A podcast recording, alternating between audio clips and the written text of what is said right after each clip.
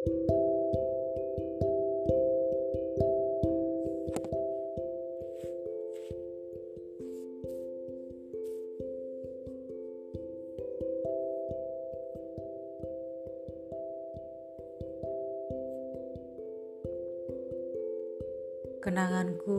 masa depanku.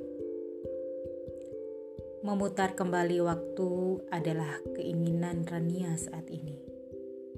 Kembali menjadi mahasiswa di kampus bersama Ahmada, sahabatnya. Sahabat yang begitu baik hati. Sahabat yang selalu ada di saat suka maupun duka. Sahabat yang selalu saja mengiyakan setiap permintaan Rania Sahabat yang dengan sukarela mendengarkan keluh kesah Rania saat kunda gulana. Sahabat yang tak ada hitungan-hitungan kebaikannya. Bersedia mengantar ke mana saja dengan tanpa rewelnya. Namun apalah daya, Rania terlambat menyadari kalau ternyata ia begitu jatuh cinta kepadanya. Malam itu, sehari sebelum wisuda, Ahmada datang ke tempat kos Rania. Seperti tahu bahwa Rania belum makan, ia pun membawakan makanan berupa sebungkus mie goreng cinta kesukaan Rania. Mie goreng yang ia beli dari tenda pink di pertigaan jalan menuju tempat kos Rania. Assalamualaikum, Ranianya ada? Tanya Ahmada kepada Diana, teman kos Rania yang sedang membeli bakso di depan kosnya. Ada, jawab Diana sambil memanggil Rania yang sedang asik mendengarkan berita di radio kamarnya. Ran, Rania, ada tamu, teriak Diana keras. Rania pun keluar setelah mendengar suara memanggilnya. Segera ia menyaut jilbab ungu muda yang ada di tempat tidur kamarnya. Segera ia memakainya tanpa berkaca. Rania melihat Ahmada memakai hem kotak-kotak hijau muda di luar pagar kosnya. Kali ini Rania melihat penampilan yang berbeda dari sahabatnya itu. Ahmada tampak lebih tampan dan segar dengan hem cerah serta potongan rambut baru. Segera Rania menemui Ahmada dan membukakan pintu pagar besi dengan cat kuning itu. Ayo masuk, ajak Rania. Ahmada yang sedari tadi menunggu di pular pagar segera memberikan bungkusan nasi goreng yang ia bawa. Kok tahu aku belum makan? Tanya Rania sambil menerima bungkusan nasi goreng. Iya iyalah, apa sih yang aku tak tahu dari kamu? Kamu gak mandi tadi sore, aku juga tahu, jawab Ahmada sambil tersenyum lebar.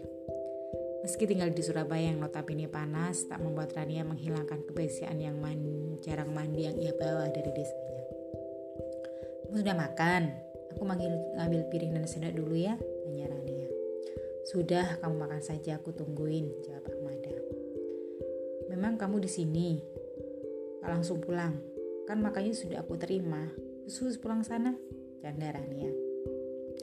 Enggak, ada sesuatu yang aku bicarakan, jawab Ahmad dengan suara pelan. Setelah menghabiskan separuh mie cinta yang dibawakan Ahmada, Rania membawa sisa separuhnya ke dalam kamarnya untuk dimakan nanti malam. Ahmada pun tahu kebiasaan Rania yang satu ini. Dan ingin bicara. Jawab Rania gugup. Bicara saja, memang dari tadi belum bicara. Timpal Rania bercanda. Besok kita wisuda. Kamu kan tahu, setelah wisuda orang tuaku menyuruh aku langsung pulang. Meneruskan usaha toko pakaian dan kuliner orang tuaku. Jadi sebelum wisuda, sebelum aku pulang kampung, aku ingin bilang kalau aku ingin kau jadi calon istriku ungkap Ahmada. Kita urus usaha orang tua ayah dan ibuku berdua. Kemarin mereka telepon, jika kamu belum mengenalkan calon istrimu sampai kau sudah, berarti ayah dan ibu yang akan mencarikan calon istri buat kamu. Tambah Ahmada tanpa memberi kesempatan Rania berbicara. Aku sudah cukup lama mengenalmu, kamu pun begitu. Tak ada alasan lagi bagimu untuk menolak ajakanku. Lagi pula kita sudah sama-sama dewasa, Aku sudah lama mencintaimu dan aku yakin kau juga mencintaiku. Aku pun sama seperti kamu hanya ingin bersabar dan tidak pacaran saat kuliah. Tapi besok kita sudah wisuda, lanjut Ahmada sambil memandang wajah Marania dengan sedikit canggung di depannya. Kita telah hampir tiga tahun bersahabat, bukan kekasih. Kau juga tahu aku belum pernah pacaran dan belum ingin pacaran, apalagi menikah. Aku ingin bekerja dulu, meraih cita-cita dan impianku. Kau tahu itu kan? Jawab Rania sambil berkaca-kaca. Air matanya menetes tanpa bisa diduga. Rania yang sejadi tadi ceria tiba-tiba tak bisa memendung tangisnya. Ia tak menyangka jika sahabatnya itu tiba-tiba melamarnya. Dalam hati, Rania menyadari jika ia menolak sahabatnya itu, berarti ia memutuskan persahabatan yang jalan selama ini. Ia kehilangan kehilangan sahabat sejati yang selalu mewarnai hari-harinya selama ini. Kamu boleh bekerja dan bisa meraih cita-cita serta impianmu setelah menikah. Aku tidak akan melarang kamu bekerja, jawab Ahmad dan meyakinkan Rania. Setelah menikah, kita akan disebutkan mengurus suami, mengurus anak, tak akan lagi ada waktu bekerja dan mewujudkan kita, cita sanggarannya. Maaf aku, maafkan aku Ran yang tidak bisa memberi waktu banyak untuk memikirkan ini. Tapi aku mohon kau memberi jawaban sekarang hingga seminggu lagi. Jika tidak, maka aku akan menerima dan orang tuaku. Jawab Ahmada tertekan sambil mengusap air mata yang jatuh di pipirannya. Waktu itu, Ahmada ingin memeluk Rania seeratnya tapi Rania belum berikan jawabannya. Akhirnya ia pun mengurungkan niatnya. Tak dapat dipungkiri dalam hati kecil Rania juga mencintai Amada. Tapi saat ini ia belum memikirkan untuk menikah. Kenapa kau tak meminta aku jadi pacarmu dulu saja? Protes Rania dalam hati. Ya sudah, aku pulang dulu. Kalau kamu bertanya kepada orang tamu, aku yakin mereka akan dengan senang hati mempunyai menantu seperti aku. Tinggal kamu, bagaimana keputusanmu? Tambah Ahmada tegas. Kedua orang tua Rania memang sudah sangat mengenal Ahmada. Mereka bahkan sangat percaya kepada Ahmada. Dari kecil hingga kuliah belum ada satupun laki-laki yang berani pamit mengajak Rania keluar kecuali Ahmada. Ahmada memang laki-laki yang sangat pandai mencuri perhatian orang tua Rania. Selain itu, ia juga sangat tegas dan berwibawa. Meskipun banyak wanita di kampusnya menaruh hati padanya, bahkan ada yang sampai menembaknya langsung, tapi Ahmada menolaknya. Mungkin itu pula yang membuat Rania akhirnya jatuh cinta. Namun untuk menikah sepertinya Raniar jauh dari rencana. Setidaknya ia ingin bekerja dulu hingga 3 atau 4 tahun yang akan datang. Setidaknya ia ingin menikah saat usianya 26 atau 27 tahun. Saat wisuda, sebenarnya Rania sangat ingin mengabdikan momen itu bersama Ahmada. Namun karena lamaran Ahmada kepadanya sehari sebelum wisuda, Rania mengurungkan niatnya. Setelah foto dengan orang tua dan teman-temannya, Rania sengaja langsung mengajak orang tuanya pulang ke kampung halamannya. Ia sengaja menghindar bertemu Ahmada dan keluarganya. Dan benar saja, Ahmada mencari Rania ke mana-mana tapi belum juga menemukannya. Dari begitu banyaknya tamu undangan tak tampak Rania di mata Ahmada. Kalaupun ada, meski dari jauh atau dari belakang, Ahmada yakin bisa mengenalinya. Setelah beberapa waktu mencari, akhirnya Ahmada tahu kalau Rania sudah pulang bersama orang tuanya.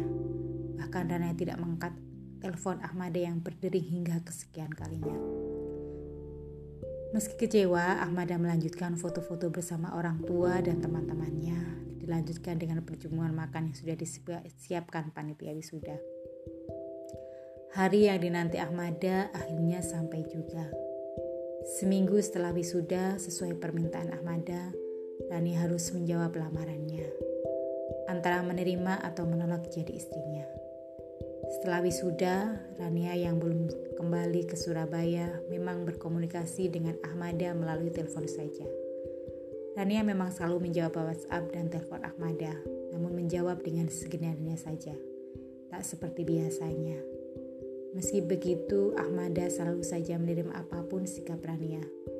Ia seakan tak menganggap perubahan sikap Rania kepadanya. Hari itu tanggal 1 Oktober berdekatan dengan Hari Kesaktian Pancasila, Ahmada harap-harap cemas menanti jawaban dari Rania. Hari Kamis, tepat pukul 9 malam, Ahmada menelpon Rania. Rania pun langsung menjawab telepon Ahmada. Dengan sedikit basa-basi, Ahmada seakan sudah tak sabar menerima jawaban Rania.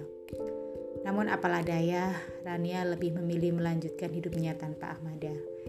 Ia ingin bekerja, menjadi wanita karir dulu baru menikah. Meski kecewa, namun Ahmada menerima semua keputusan Rania. Sebenarnya ada sesal yang mendalam di hati Rania. Mungkinkah ia bisa menemukan sahabat dan lelaki yang sangat mencintainya, menerima segala kekurangan dan kelebihan seperti Ahmada? Sesaknya dalam hati.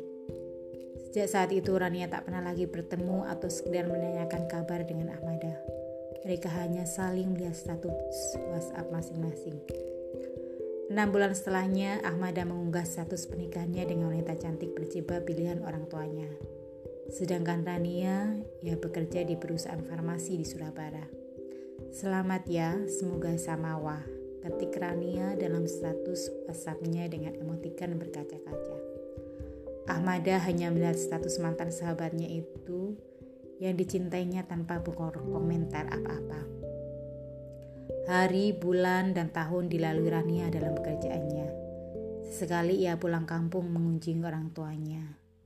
Sedangkan Ahmada dalam tiga tahun pernikahannya, ia sudah memiliki seorang putra yang tampan dan putri yang cantik dengan ekonomi yang mapan. Setidaknya itulah yang ketahui dari Ahmada dengan rumah besar dan mobil yang mewah. Pasti usaha toko baju dan tempat kuliner besarnya berkembang pesat, ya Rania lirih dalam hati. Sebenarnya ada keinginan Rania sekedar bertanya kabar atau berbahasa basi dengan Ahmada.